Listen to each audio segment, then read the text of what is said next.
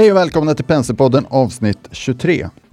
Vi har under, under ett eh, flertal poddar haft väldigt, väldigt framgångsrika gäster i podden som beskrivit hur de arbetar med sina investeringar. Och vad som så här långt verkar vara en gemensam nämnare för flera av de här investerarna är att de ett identifierar ett tema eller ett område som de tycker är intressant för framtiden. De identifierar ett bolag med ett management som de tror på och gillar. De investerar i de här bolagen på ett tidigt stadium. De följer bolagen eh, i deras utveckling under många år. Det är väldigt få som har beskrivit att de har gjort väldigt snabba, bra affärer, utan det är ofta bra affärer med lång horisont. De läser kvartalsrapporter, absolut, men de fokuserar inte på detaljerna utan de fokuserar på den stora liksom, trenden. Och de, de funderar på om bolaget håller sig till det case de ursprungligen då investerade i. Och vad som också är gemensamt för många av de här investerarna är att de väljer att från tid till annan investera i bolag som ännu inte nått börsen. Och det innebär ju då att de investerar i onoterade bolag. Och det kom en artikel i Dagens Industri, eller D-digital häromdagen, som säger att det fortsätter flöda in kapital i svenska startupbolag. Och de som då investerar i de här startupsen kallas ofta för affärsänglar. Och då i den här artikeln i DI så säger man så här, Sveriges affärsänglar, så blir du vinnare på att investera i onoterat. Har du tröttnat på börsen och vill ta högre risker genom att investera i onoterat? Man intervjuar då bland annat Niklas Storåkers och Stefan Backlund om sina tidiga investeringar i onoterat och hur man ska bli framgångsrik. Och för den som då är lite nogräknad så kan man skilja på olika typer av investeringar i onoterade värdepapper. Och det som då styr normalt sett vad man, vad man är för typ av investerare, det är vilket stadie man väljer att investera i bolagen i. Hur tidiga eller hur mogna är de? Och då kan man prata om pre-seed, seed, serie A, B, C, D och så vidare fram till någon form av notering eller försäljning. Investerarna då i eh, de här bolagen, de har ju ofta ganska mycket historik. Eh, de har varit med hyggligt eh, länge. Och man kan väl säga då att i lite senare delar av sådana här börscykler så blir intresset allt större.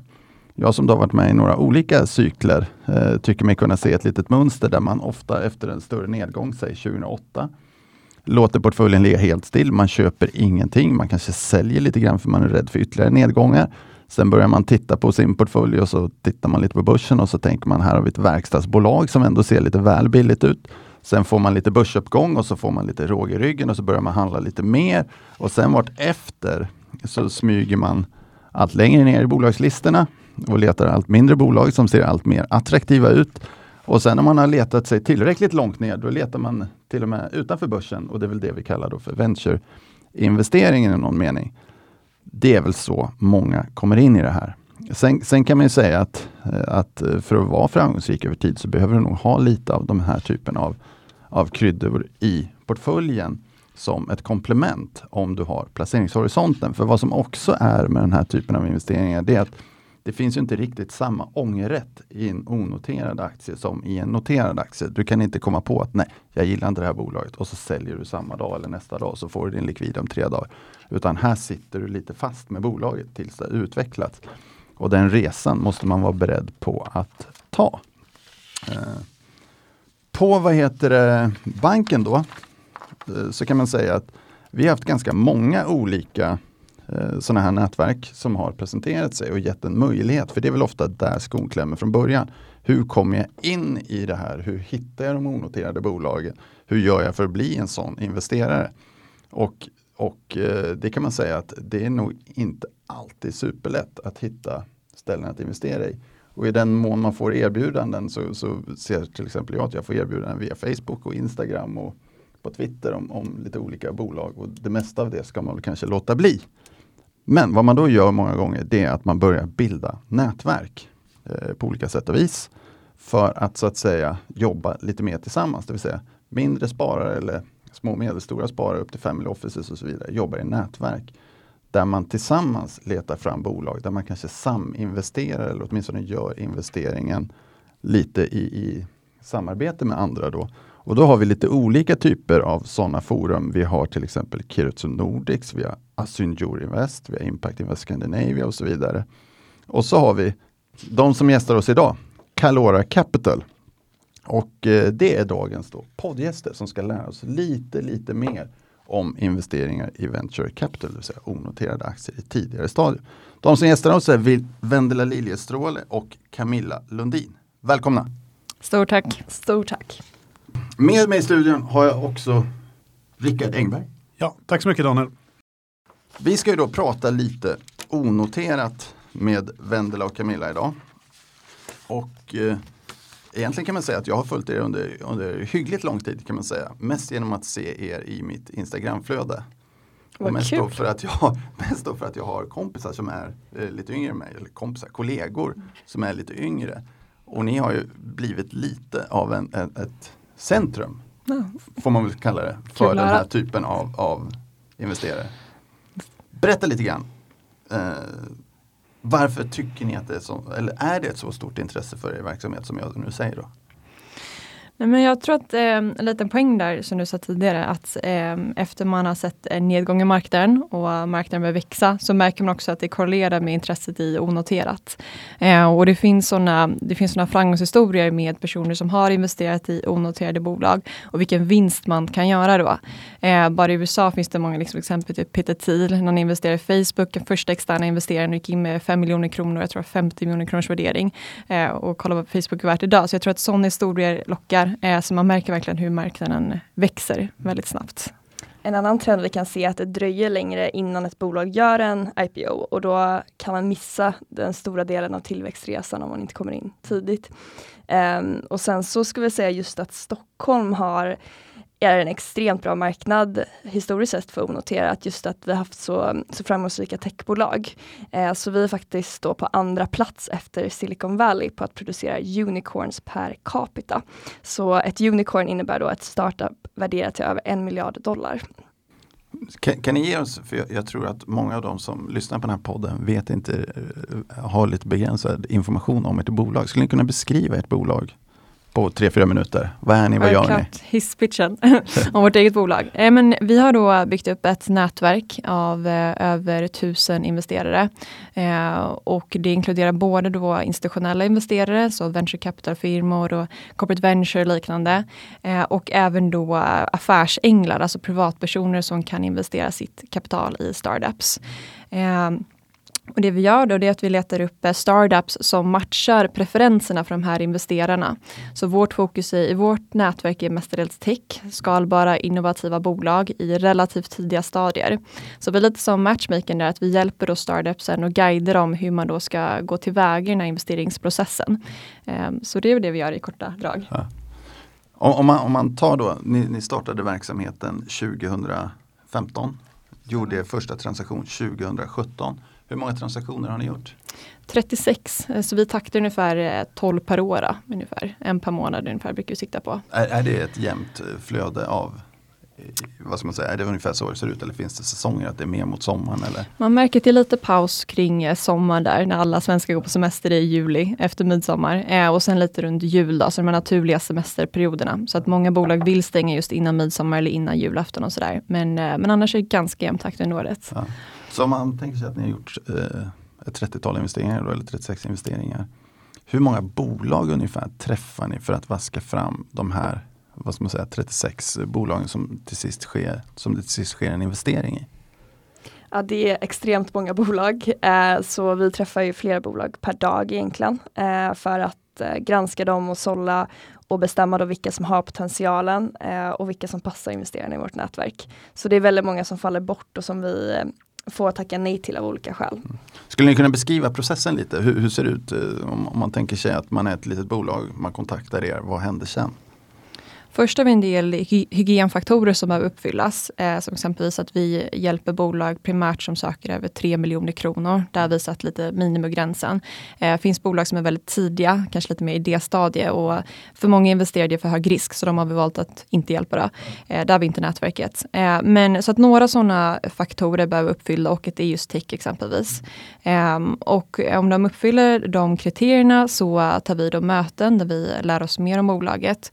Eh, och så har har vi vår egen interna modell som vi utvecklat där vi går igenom olika aspekter såsom team, marknad och traction och liknande och gör då en helhetsbedömning om vi tror att vi har nätverket eller inte. Och om ett bolag då kvalificerar sig igenom, hur kontaktar ni nätverket? Så vi har då eh, väldigt noga eh, antecknat då vad man har för preferenser som investerare. Så säg att vi har ett fintechbolag eh, som söker en sidrunda exempelvis. Då vet vi vilka investerare som vore intresserade av det här caset. Eh, så då tar vi möten, samtal och så vidare och, och berättar då eh, om bolaget med målet att investeraren ska få träffa eh, entreprenörerna och höra mer från dem eh, om visionerna och, och sådär. Eh, och välja sen när man vill gå vidare, kanske till möte eller om man vill investera. Då. Hur, hur, hur, har ni gjort? Eh, vi kommer komma in på det mycket mer, men, men säg, i vårt nätverk, vad innebär det att vara en del av ert nätverk? För det är ju nästan er, er produkt som jag ser det till viss del. Alltså, eller det är en stor del av er produkt att ha det här ganska omfattande nätverket. Vad gör man för att kvalificera in i nätverket? Ja, vi kallar ju dem då medlemmar, de personerna som är med i vårt nätverk. Eh, och vi har alltid då ett samtal eller ett möte med personen i fråga och sen så berättar vi mer om vår process och hur vi arbetar och sen hör även mer om dem. Eh, och där är det viktigt att, man, att det är personer som förstår risken med den här typen av investeringar och kanske eh, ja, och hör även vad man har för bakgrund sedan tidigare och så vidare.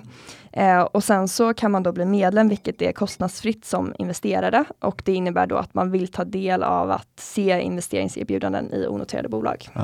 Och då skickar ni egentligen ut när ni har eh, kommit fram till ett potentiellt bolag. Ja. Så plockar ni ut det urvalet av investerare som har angett ett intresse och så skickar ni ut det på, på olika sätt och vis. I, vilk, I vilket stadie letar ni bolag? Vi, vi beskrev tidigare olika typer av stadier. Vilket, vilk, I vilken, i vilken vad ska man säga, omfattning och storlek är de bolagen som ni tittar på? Ja, så vi riktar oss till bolag som har lite första omsättning, som har en produkt ute på marknaden, har lite första kunder. Eh, och de kan vara antingen betalande eller användare då som inte betalar. Eh, och det stadiet vi riktar oss till framförallt brukar man kalla syd upp till serie A. Syd är det lite mer risk, då investerar man mycket i teamet och att man tror på att de kan utföra den här idén och planen. Eh, serie A så har bolaget kommit lite längre, man har mer bevisat att det finns ett behov av produkten på marknaden, att det finns en så kallad product market fit, att produkten passar marknaden. Eh, och då investerar man egentligen i tillväxt eh, efter man har sett de här bevispunkterna från bolaget. Ja, Rickard, jag har egentligen eh, två frågor. Den första man kan jämföra på något sätt det jag gör. Jag tittar på noterade bolag. Och då brukar jag säga att ja, men, det måste finnas en marknad, det måste finnas en bra affärsidé och sen måste det finnas ett, ja, ett, ett bra team bakom, bakom bolaget. Skulle ni säga att de här kriterierna, vilken är viktigast i ett tidigt stadie? Blir teamet viktigare än affärsidén och marknaden? Eller är det, fort, är det så att faktorer som är lättare att mäta, det vill säga marknaden, är viktiga? Men det är en jättebra fråga. Generellt sett så, de flesta av våra investerare brukar säga att teamet är det absolut viktigaste. Och det blir viktigare och viktigare ju tidigare stadie man befinner sig eh, För att en idé kan man alltid liksom, eh, ändra, eh, men, eh, men teamet är svårare att ändra. Så att om det är rätt team eh, så har de stora möjligheter att lyckas, anser många. Så att om du exempelvis har startat ett framgångsrikt eh, bolag tidigare eh, så kan du höja värderingen avsevärt för att investerarna tror mer på bolaget då. Eh, sen skulle jag säga att utan en bra marknad så är det svårt att realisera en bra affärsidé.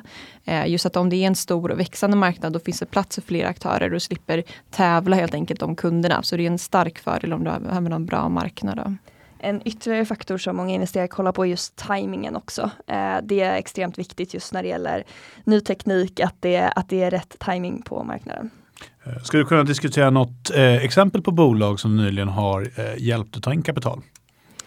Ja, absolut. Eh, ett exempel är då bolaget Nektegal eh, som är en B2B-plattform som eh, säljer då teknik till banker där man kan administrera bolån. Och de hjälpte vi då med kapital just för att vi tyckte att det är en spännande timing med hur marknaden ser ut i Sverige idag. Så man, när man kollar på den holländska marknaden så har det skett en del ändring av regulation där, vilket gjort att bolåneutmanare har eh, tagit ungefär 30% av marknaden. Och man spår då en liknande eh, ja, utveckling i Sverige. Så, så att just eh, ett, en produkt som riktar sig mot bolåneutmanare tyckte vi var spännande. Ett väldigt bra team som också har mycket erfarenhet av att bygga eh, ja, mer administrativa eh, produkter för banker. Så mm, ja, väldigt spännande bolag ska jag säga. Där skulle man kunna jämföra. Om man hade sett det här som en aktieinvestering, då hade jag ju då sett att okej, okay, vi har en trigger i form av att marknaden, att marknaden på öppnas upp, en regulatorisk förändring. Eh, vi har en väx, vilket leder till att vi kommer få en växande marknad och leder också till att vi förmodligen har då incumbents som är relativt stora och som kan då tappa marknadsandel. Och sen så är det såklart som jag tittar på bolag, så jag menar, de bolag som jag har ett högt förtroende för ledningen för, då kan ju jag acceptera en högre värdering precis som du säger. Man betalar ett premium från bolagsledning. Precis som i vissa aktiebolag så finns det en skeptisk mot bolagsledningen och då ser man ju att aktien stiger när ledningen byts ut. En, en fråga på det temat då. När, när ni prissätter de här bolagen eller när man kommer överens om priset. Hur ser den delen av processen ut? Får man en liten rabatt för det är ett onoterat bolag eller betalar man en premie för att det är ett intressant område eller är det liksom bolag till bolag? Ja, men det, det är en jättebra fråga. Eh, och det är faktiskt något, något av det svåraste inom onoterat att veta vad värderingen är. För det är svårt att utgå från traditionella nyckeltal, typ P och sånt, för att det existerar ofta inte så. Eh, så den är ganska den är klurig. Eh, man brukar ta hänsyn till flera olika faktorer. Som jag nämnde tidigare, så att ett erfaret team som har startat bolag tidigare, det är en stark fördel eh, och kan rättfärdiga en högre värdering. Eh, även då som du säger, att om det är rätt timing i marknaden, så är det också en fördel. Eh, Eh, och då behöver man kanske inte ens ha något så med liksom stort resultat, eh, men fortfarande är tajmingen så bra så att investerarna eh, tror på caset helt enkelt. Ja, och det man kan säga är att det är egentligen bolagen själva som sätter sin värdering och sen så får investerarna ibland förhandla den värderingen om man har den förhandlingskraften då att man kommer kanske investera mycket potentiellt. Eh, och det vi också kan se är att dels att värderingarna ändras mycket vilken liksom, konjunktur vi befinner oss i. Just nu är det vissa som tycker att värderingarna är lite för höga på onoterat. Eh, men sen kan det också skilja sig bland annat mellan städer. Så vi kan se tydligt att värderingarna är mycket högre i Stockholm om bolaget befinner sig här jämfört med Göteborg eller Norrland och så vidare. Mm. Och sen brukar vi också eh, tipsa bolag om att inte ge bort för mycket eh, tidigt. För att eh, ibland kan det vara så att man ger bort en alldeles för stor del av sitt bolag och sen när man ska söka institutionellt kapital så kan det bli svårt att ta in nytt då. Eh, för många institutionella eh, VC-firmor, de har som krav att grundarna ska äga gärna minst 50% efter de har investerat. Just att man ska ha incitament att fortsätta. För att en startup-lön är inte särskilt hög, så ens incitament är att man har andelar i bolaget. Så att, att inte ge bort för mycket heller är viktigt. Hur, hur, hur, stor, hur stor andel av bolaget är då ute till försäljning eller hur utspädda blir bolagen eller grundarna när de tar in den här typen av kapital vanligtvis? Varierar väldigt mycket. Eh, ja, det brukar variera beroende på hur mycket man tar in och hur mycket det värderas till. Men oftast brukar eh, grundarna ändå ha 50 till 70 procent i de stadierna vi befinner oss i. Och det är en ganska vanlig relation då kan man säga, eller det är eftersträvansvärd. Mm, exakt, mm. Eh, och ju mer av bolaget man har desto bättre är det. Så det är en av aspekterna vi kollar på också när vi analyserar ett bolag. Hur har de skött sina finanser hittills? Om man har tagit in jättemycket kapital och inte kommit någon vart, då är det negativt. Men om man äger 100% av bolaget och fått nått ett bra resultat, då är det väldigt premierande mot investerare. Du, du, var, inne på, du var inne på här att, att uh, investerarnas förhandlingskraft vilken typ av investerare är det vanligtvis? Finns det några kända namn eller något annat vi kan ta på lite för att förstå vilka som sitter på andra sidan bordet relativt bolaget? Ja, när det gäller privatpersoner och, och då även kallas affär, affärsänglar så har vi många som har tidigare bakgrund från olika typer av techbolag. Så de som har investerat från oss har bland annat bakgrund från King, Klarna, eh, Truecaller, även en av grundarna till Bambora har investerat via oss eh, och eh, och Trustly bland annat, eh, personer därifrån. Eh, men det kan också vara ja, personer från mer traditionella branscher som har kapital över som man vill investera i onoterat. Eh, och sen så olika typer av family office eh, som vill diversifiera sin portfölj. VC-firmor och eh, större företag som vill investera i startups har vi också i vårt nätverk. Kan man säga att det är en liten trend då att om man kommer och har byggt, byggt sitt kapital via onoterade bolag, det vill säga man har varit någon som har jobbat i ett onoterat bolag som har sålts, att man då väljer att investera vidare i då exempelvis techbolag om man kommer från den sektorn. Verkligen. Det är, det är ganska vanligt. Jag tror att man tycker det är väldigt kul med onoterat om man har jobbat i det. Man ser att man kan ofta hjälpa till. Så många investerare gillar att vara aktiva eh, och jobba kanske en dag i veckan eller vara med i styrelser eller liknande för att ge råd om hur man kan eh, ta bolaget vidare. Kan man, kan man se det också som bolag, att man är intresserad av att få en viss typ av investerare då? Att man till exempel vill ha det liksom, man kan bredda upp en större ägarandel givet att det är en känd person givet den som har ett, har ett, stort, har ett stort nätverk. Verkligen, verkligen. Eh, och det är förhandlingskraften hos investeraren att om, eh, om den personen exempelvis har byggt upp ett framgångsrikt techbolag tidigare så har de en mycket starkare eh, förhandlingskraft. Så det är verkligen premierande mot investeraren också. Och blir det en bra match så blir det verkligen en win-win situation för att investeraren kan hjälpa bolaget att ha lite mer kontroll över sin investering. Eh, och, och bolaget kan ju få eh, ja, kompetens, nätverk och så vidare som kan ge extremt mycket värde utöver kapitalet. Eh, så det blir vi väldigt glada för när vi hittar en bra match där mellan investeraren och bolaget. Mm. Och sen är det en ganska intressant effekt också det blir till nästa investeringsrunda. Eh, för att när vi säljer in ett bolag då kan en av aspekterna vi lyfter fram vara att de har eh, duktiga befintliga investerare. Eh, för det lockar också till sig andra att, att smarta personer tror på det här bolaget. Eh, så det kan vara någonting som, eh, som blir bra helt enkelt eh, vid fortsatta investeringar. Och rent, rent praktiskt när ni de här investeringarna, går det tillväga så att ni jobbar med, vilken typ av investeringar jobbar ni med? Jobbar ni då med konvertibler och preferensaktier och liknande? Och är det, varför gör man det? Ja, det är lite upp till investerarna på vilket sätt de vill investera. Vissa föredrar ju till exempel konvertibler, eh, men det vanligaste är egentligen att, att bolaget gör en ny emission och att man eh, ja, köper, in, köper in sig på det sättet i bolaget. Okej, det är väl förmodligen så att konvertibler och liknande kommer sen på ett senare skede. För mm. då vill ju du som att om du har investerat i låt säga serie C så vill du komma före serie B och därför mm. väljer du konvertibla eller preferensaktier. Mm, mm. Eh, för då får du en högre plats i rangordningen. Men om man är kanske på första steget så blir liksom, då finns det ingen under i rangordningen och då blir det väl förmodligen aktier som är det mest intressanta. Om man, om man, frågar, om man får vara ännu mer konkret, eh, alltså när man köper en aktie, då, då, en noterad aktie, då köper du över börsen och så får du din aktie på din depå. Hur går det till här? Fyller man i ett papper eller tar ni fram en anmälningsblankett eller liksom avräkningsnota eller gör bolagen det själva? Eh, ja, vi kan hjälpa att ta fram en ja, så kallad teckningssedel om man, om man vill det, om bolaget vill ha hjälp med den biten. Men det viktigaste är egentligen att man skriver på ett aktieägaravtal. Eh, och det är på så vis man blir ägare i bolaget. Då.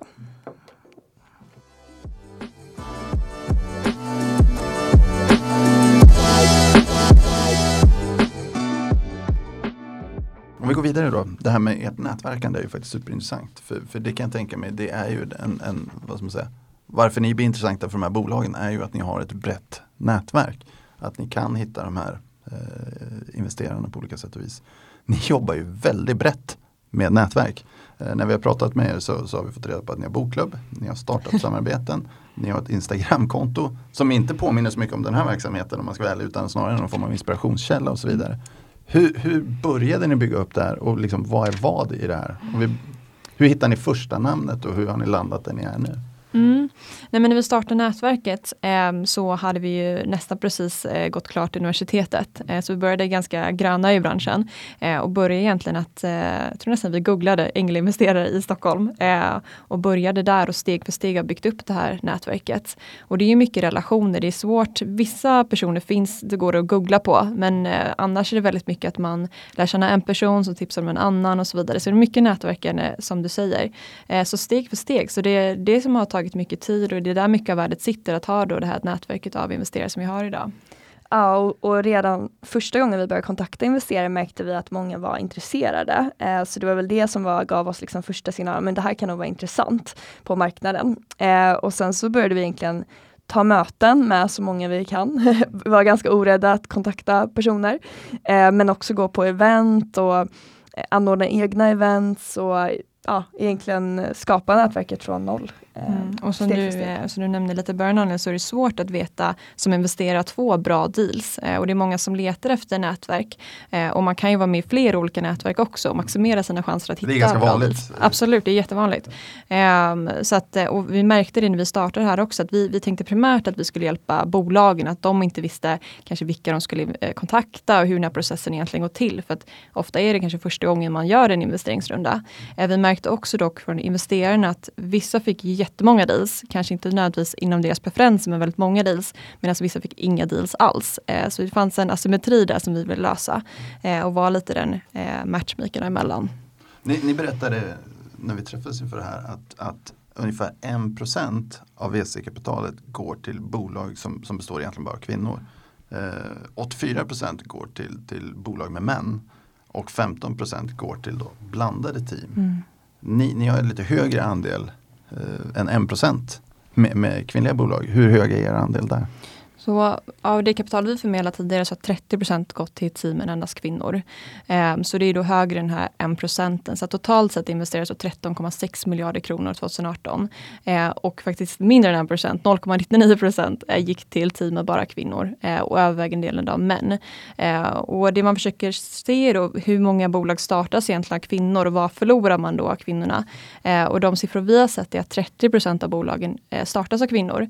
Men det behöver inte nödvändigtvis vara techbolag också. Det, det, är svårt att veta vad anledningen, anledningen är. Eh, men det är väldigt tråkigt att det ser ut så. Och vi hoppas ju att det ska vara fler eh, team med mixade team, där det är både män och kvinnor. För det har i alla undersökningar visat sig bäst resultat, att man har diversity i teamet helt enkelt. Lyckas ni hitta sådana bolag? Eh, vi har hittat eh, många sådana bolag eh, och vi är med i lite andra typer av forum tror jag också än kanske traditionella riskkapitalister. Så vi har ju då olika nätverksfrukostar för kvinnor och är med i olika Facebookgrupper. Det är allt möjligt helt enkelt har vi fått deals ifrån. och vi har då vår egen plattform Business and Dreams där vi också träffat många entreprenörer och investerare. Så att, Berätta om Business and Dreams då. Ja, så att det startade vi just för att vi jobbade i den här marknaden och såg att gud, det är verkligen inte lika många kvinnor som startar bolag eller investerar eller är intresserade av techbranschen. Och, eh, och techbranschen är ju framtiden skulle vi säga. Eh, och då är det synd om inte, om inte alla är med på den resan. Så vi startade då Instagramkontot Business and Dreams för att inspirera fler kvinnor till att bli intresserade av tech, eh, starta bolag, bli intresserade av investeringar. Eh, och det har ju då växt så att vi idag har 17 000 följare och eh, träffar personer regelbundet från, från det nätverket vi har byggt upp. Då. Vad, vad innebär att ni träffar personer regelbundet? Ja, det är då olika event. Bland annat eh, har vi då en bokklubb där vi träffas varannan månad och diskuterar en utvald bok. Eh, och sen har vi andra event med olika inspirationsföreläsare och liknande just för att, eh, att man även ska kunna nätverka med andra kvinnor eh, och, och ta del av likasinna, med likasinnade personer. Är det med syfte att hitta vad ska man säga, bolag och investerare eller har ni något annat syfte med det också? Mm. Nej, men det är en bra fråga. Det är många som tror att det här är Caloras typ officiella Instagramkonto. Men det började som en helt separat, separat del. Eh, så lite som att vi har två ben. Vi har Business Dreams och Calora. Sen har vi sett enorma synergier mellan då kontot Business Dreams och Calora. Um, så det har blivit så, men det var inte tanken från eh, början. Men vi driver också inom Calora ett program för att hjälpa fler kvinnor att starta bolag. Uh, så det heter Calora Growth, där vi hjälper 30 stycken kvinnor att förverkliga en affärsidé. Uh, och går då från att endast ha den här idén till att faktiskt ha ett bolag. Så det är ett halv, halvårsprogram som vi också gjorde förra året, som vi gör då i år igen. Så det är superkul. Men det gör ni i samarbete med, med vad var det, Vinnova? Eh, Vinnova var förra året, ja. så precis. Så i år har vi bland annat Stockholms Handelskammare, Stockholm Invest och liknande. Så att det är lite olika samarbetspartner eh, som vi gör det tillsammans med. Eh, så vi märker ett enormt intresse och det jag personligen tror att det kanske inte kommer lika naturligt för kvinnor att prata investeringar och att starta bolag med andra tjejkompisar. Eh, så jag tror att just ett stort värde är att träffa andra likasinnade. Kanske hitta en medgrundare på de här träffarna också. Så jag tror att där finns stort värde för kvinnor att nätverka och hitta andra. Om man, om, man, om man får fråga om den här bokklubben. Mm. Vilken bok, vilken typ av böcker läser ni i bokklubben? Det har varit mycket inom eh, personlig utveckling. Eh, så vi har bland annat läst Seven Habits of Highly Effective People. Vi har läst boken The Power of Habit. Eh, mycket om vanor här märker jag. eh, vi har läst boken Nätverka med Anna Svan. Så nätverk är en stor del av starta bolag också. Um, för att nämna några exempel. Om man, om man tar det här Calora, Calora yes. Growth. Nu, uh, varenda gång jag sitter i den här podden så försöker jag lära mig något nytt uttal. Calora Growth. Yeah. Har det gett resultat i form av något bolag? Mm. Eh, bland förra året så startades ett jättespännande bolag som heter Laundrop. Eh, så de är då tvättning on demand eh, och går jättebra och verkligen, ja, de är supergrymma. Så det är jätteroligt att se verkligen. Ja, exakt, så det är egentligen att man, man spinner vidare lite på den här trenden att man nu kan beställa hem mat, matkassar och så vidare. Man blir, vill få allting hem till dörren men då att man kan få tvättpåse, eh, lägga i sin tvätt och sen fixar de allting och lämna allting utanför dörren. Eh, så det är väldigt spännande och det här året har vi utökat det till att även göra till en gratis onlinekurs så att man oavsett vart man befinner sig i landet kan eh, ta del av de här uppgifterna för att komma vidare och starta bolag. Har, har ni fått göra någon ägarspridning i bolaget? Alltså ta in kapital? Ah. till eh, bolagen ja. i eh, programmet. Vi är i dialog med några, men inte mm. än. De är mm. kanske lite för tidiga fortfarande, eh, men snart kanske. Om, om, man, om man pratar, nu har vi ju Rickard med i studion, det är en trendkänslig kille av rang. Eh, om, om man nu pratar trender, vilken typ av bolag är, är vanligast förekommande att investerare vill ha idag och vilken, bolag vilken typ av bolag är vanligast att ni träffar? Mm. Jag tänkte just faktiskt säga det gällande det programmet vi har med kvinnor, att en trend man ser bland kvinnor är att man gärna vill ha någon hållbarhetsaspekt i det. Eh, och det är en trend vi ser väldigt starkt i övrigt också bland startups. Eh, den största rundan under 2019 var i Northvolt, den batterifabriken, eh, som också är ett unicorn, ett miljardbolag som Camilla berättade. De tog in en, en miljard eh, dollar i eh, somras från bland annat Volkswagen. Eh, och det är ju impact. De vill ju eh, ha världens mest miljövänliga batteri eh, och kunna ha med den här omställningen som världen gör just nu. Eh, och sen så också Einride som gör självkörande bilar, också ett impactbolag, att man vill ha då elbilar eh, istället för eh, bilar drivna på fossila bränslen. Och de tog in 250 miljoner kronor i höstas. Så den eh, delen går väldigt starkt. Verkligen. Och sen så ser vi även en del app på självkörande och så inom AI. Eh, och, eh, och det kan ju revolutionera många olika områden som bland annat eh, sales intelligence, att man kan spara tid för säljare genom att eh, hitta ja, potentiella kunder genom att kolla på befintliga kunder och låta AI sköta det jobbet. Eh, och mycket annat som utbildning till exempel. Så, så det är ju väldigt spännande område. Jag vet inte hur mycket ni följer börsen men, men de bolagen ni träffar nu, finns det, ser ni om det finns vad ska man säga, noterade alternativ? Eller är det som så att de här bolagen finns i huvudsak som onoterade bolag? Eh, Förstår ni vad jag menar? Det kanske du också kan svara på Rickard? Ja, Alltså, ja. för, förstår ni? Nej, men jag förstår frågan. Då kan man väl titta, liksom, om man då tar som vi just pratade om, säljprocesser.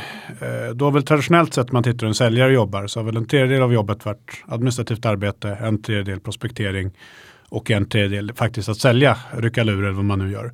Och tar man då ett sådant bolag som Upsales, eh, mjukvarubolag inom CRM-system. Ett CRM-systems uppgift kan du bygga in ett då inom artificiell intelligens att du, ja men administration, vilka har du ringt? Det kan du sköta automatiskt åt dig. Ja, men prospektering hjälper ju också till med. De har ju verktyg då för, vad man kallar för sales automation, att du helt, helt enkelt istället för att du letar i dina prospektlistor så kommer det förslag.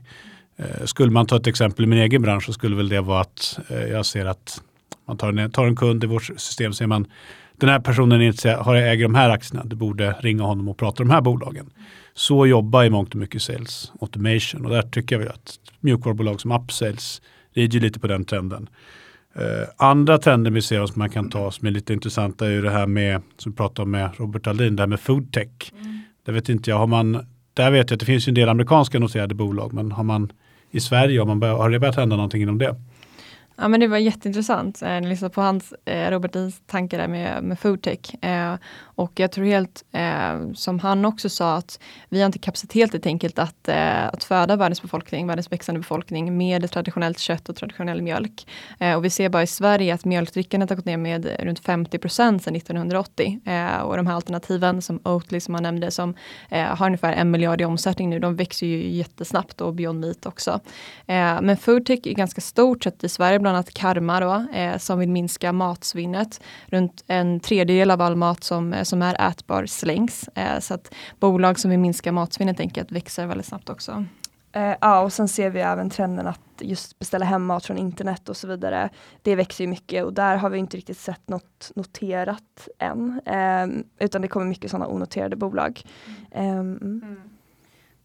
Ja, det är väl kopplingen att, är det vad de heter, uh, Delivery, de, de som är noterade i Tyskland grundas ju av en svensk. Så yeah. där, där, finns den svenska yeah. noterade kopplingen. Sant.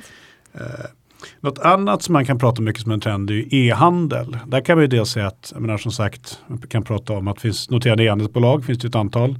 Du har väl Boost här i Sverige är väl ett exempel och sen har du eh, de heter så mycket om Lyko som är smink online. Om man tar inom e-handel och den typen av marknadsföring, ser man några trender där tycker ni? Mm. Jag såg att eh Ja, förlåt. Nej, Nej, men e-handeln, där tycker jag är jättespännande. Där har vi det svenska riskkapitalbolaget i Equity som bland annat investerat i, i Naked eh, och okay, Ideal Sweden. Ja. Precis. eh, och jag såg siffror att e-handel växer runt 15% per år och eh, är nu liksom, eh, motsvarar nu över 10% av den eh, totala detaljhandeln.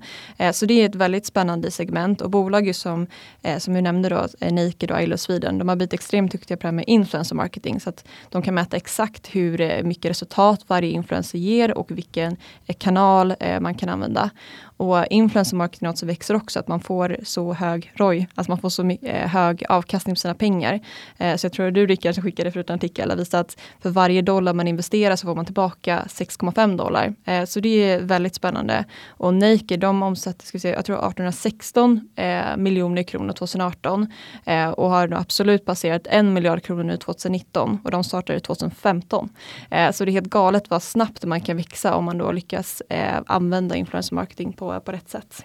Va, va, för, för mig som inte riktigt är superpåläst, mm. vad är influencer marketing? Alltså, jag tänker Bianca Ingrosso, mm, men, nej, det, men kanske inte, det kanske inte är helt båt. Det, det, men det är det helt sätt.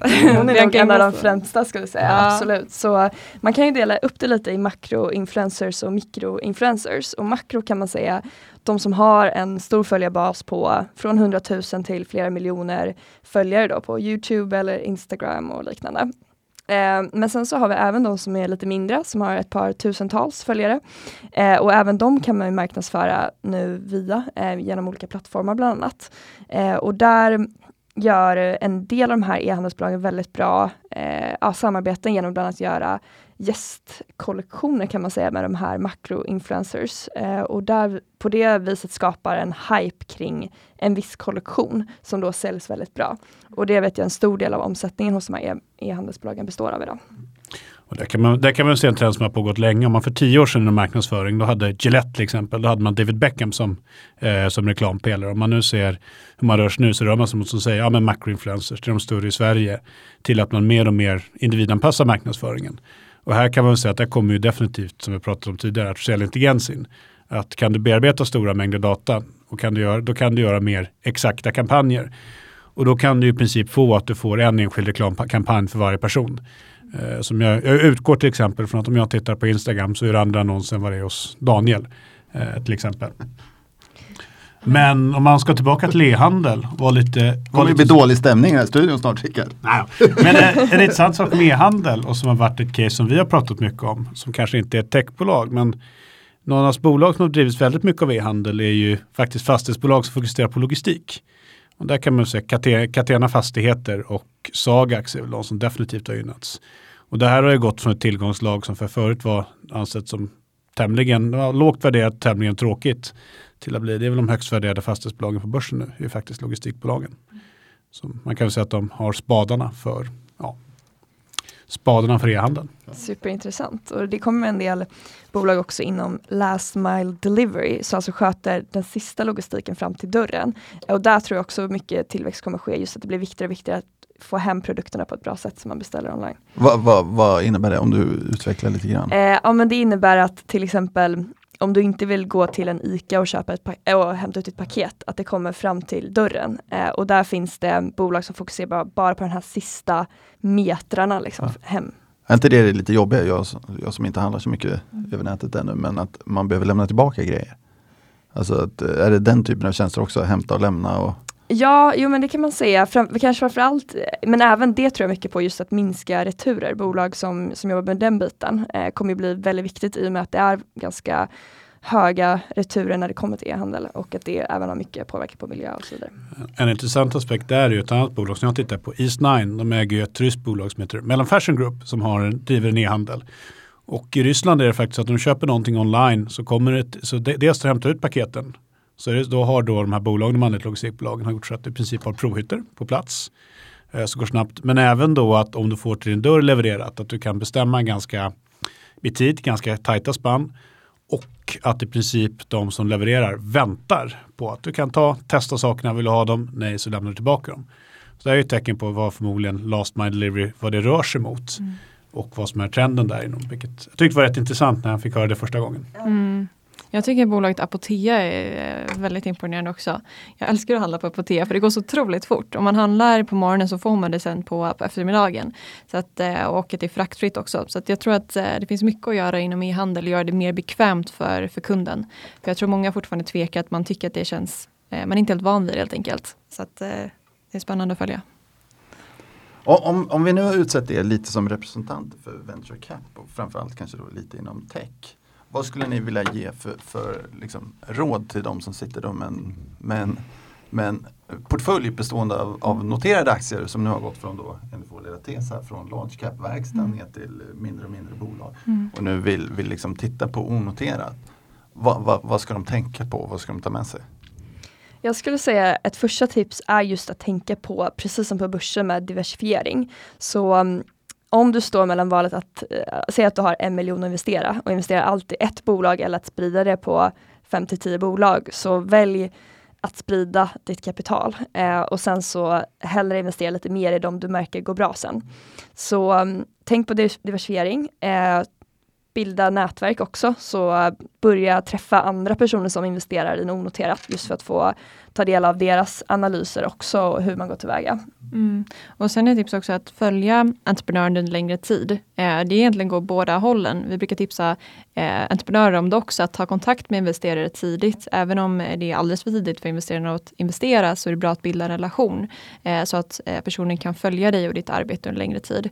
Eh, och jag tror samma sak för investerare. Man skulle kunna göra till exempel en titthållsinvestering som det kallas, att gå in med lite pengar eh, för att kunna ha en liten bevakningsposition. Eh, och sen kan man se hur bolaget jobbar och de uppfyller de målen som de har sagt eh, som kan gå in med lite mer.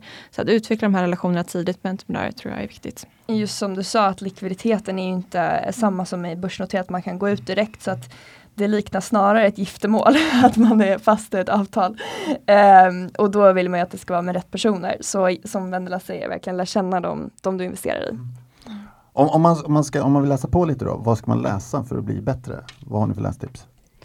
Jag gillar en bok som heter Venture Deals. Eh, den finns som pdf om man googlar upp den. Så den kan jag verkligen rekommendera när det kommer till investeringar i onoterat. Mm. Sen har JP Bullan väldigt spännande rapporter också som jag kan rekommendera. Det som de ger ut årligen tror jag att det är. Eh, så de är väldigt bra om man har lite koll. Eh, och sen så också vanliga tidningar som Det Digital, Veckans Affärer och Breakit är också bra för att hålla koll lite på startups, speciellt på den svenska marknaden. Om, om, om man vill läsa på svenska, vad läser man då? Förlåt, om, man om, man, vill, om man vill läsa på svenska? På svenska, då finns det de här tidningarna som jag nämnde. Så att, eh, de är väldigt bra. De är lite tech-tidningar. Um, så att de kan vi rekommendera. Och jag kan också ge ett lästips. Det finns en väldigt intressant artikel som skrevs, jag tror det var 2010, så det är ett tag sedan, men av en amerikansk investerare som är inom venture capital, de stora. Och den heter uh, Why Software Eats the World. Så den handlar i princip om att all industri och marknadsledningen med all industri kommer bli mjukvarubolag. Så att alla traditionella då bolag måste antagligen bli mjukvarubolag. Eh, alternativt kommer konkurreras ut av mjukvarubolag. Mm. Eh, så den är en väldigt intressant artikel och den var väldigt, det var ändå 2010 så mycket mm. av det han sa har faktiskt hänt. Mm. Ah, bra, tips, bra tips. Ja, men sen måste vi tipsa om en av våra favoritböcker när det gäller just när det kommer till nätverka som är mycket det vi gör om dagarna. eh, och det är just boken Nätverka med Anna Svan som vi varmt kan rekommendera. Mm. Det är en av de bästa böckerna inom det området. Hon har också skrivit en annan bok om att lära sig mer om investeringar som heter Investeringsguiden som vi kan rekommendera också. Eh, så de två böckerna är bra, speciellt nätverken då, som vi tipsar om i det här poddavsnittet. Mm. Superbra, stort tack för att ni tog er tid. Stort tack, jättekul att vara här. Tusen tack. Denna podcast är utgiven av Erik Penser Bank och är avsedd att marknadsföra bankens tjänster. Vissa bolag som nämns kan därmed ha något samarbete med banken i form av fondförvaltning, analystjänster, certified advisor-uppdrag med mera. För mer information om dessa tjänster, fondförvaltning och även bankens hantering av eventuella intressekonflikter vänligen se bankens hemsida www.penser.se. Vänligen notera att investeringar i finansiella instrument, inklusive fonder, är förknippade med risk. Historisk avkastning är en garanti för framtida avkastning. De pengar som placeras i finansiella instrument kan både öka och minska i värde och det är inte säkert att du får tillbaka hela det insatta beloppet. Ingen del av Penserpodden ska uppfattas som investeringsrekommendation. Informationen är heller inte att betrakta som investeringsrådgivning då den inte tar hänsyn till mottagarens specifika investeringsmål, ekonomisk situation eller kunskap. De uppfattningar som redogörs för i podcasten återspeglar de medverkandes uppfattning för tillfället och kan därmed ändras. Externa gäster i Penserpodden framför sina egna åsikter som kan avvika från bankens uppfattning. Banken frånsäger sig därmed allt ansvar för investeringsbeslut och för direkt eller indirekt förlust eller skada som grundar sig på mottagarens användande av informationen i podcasten.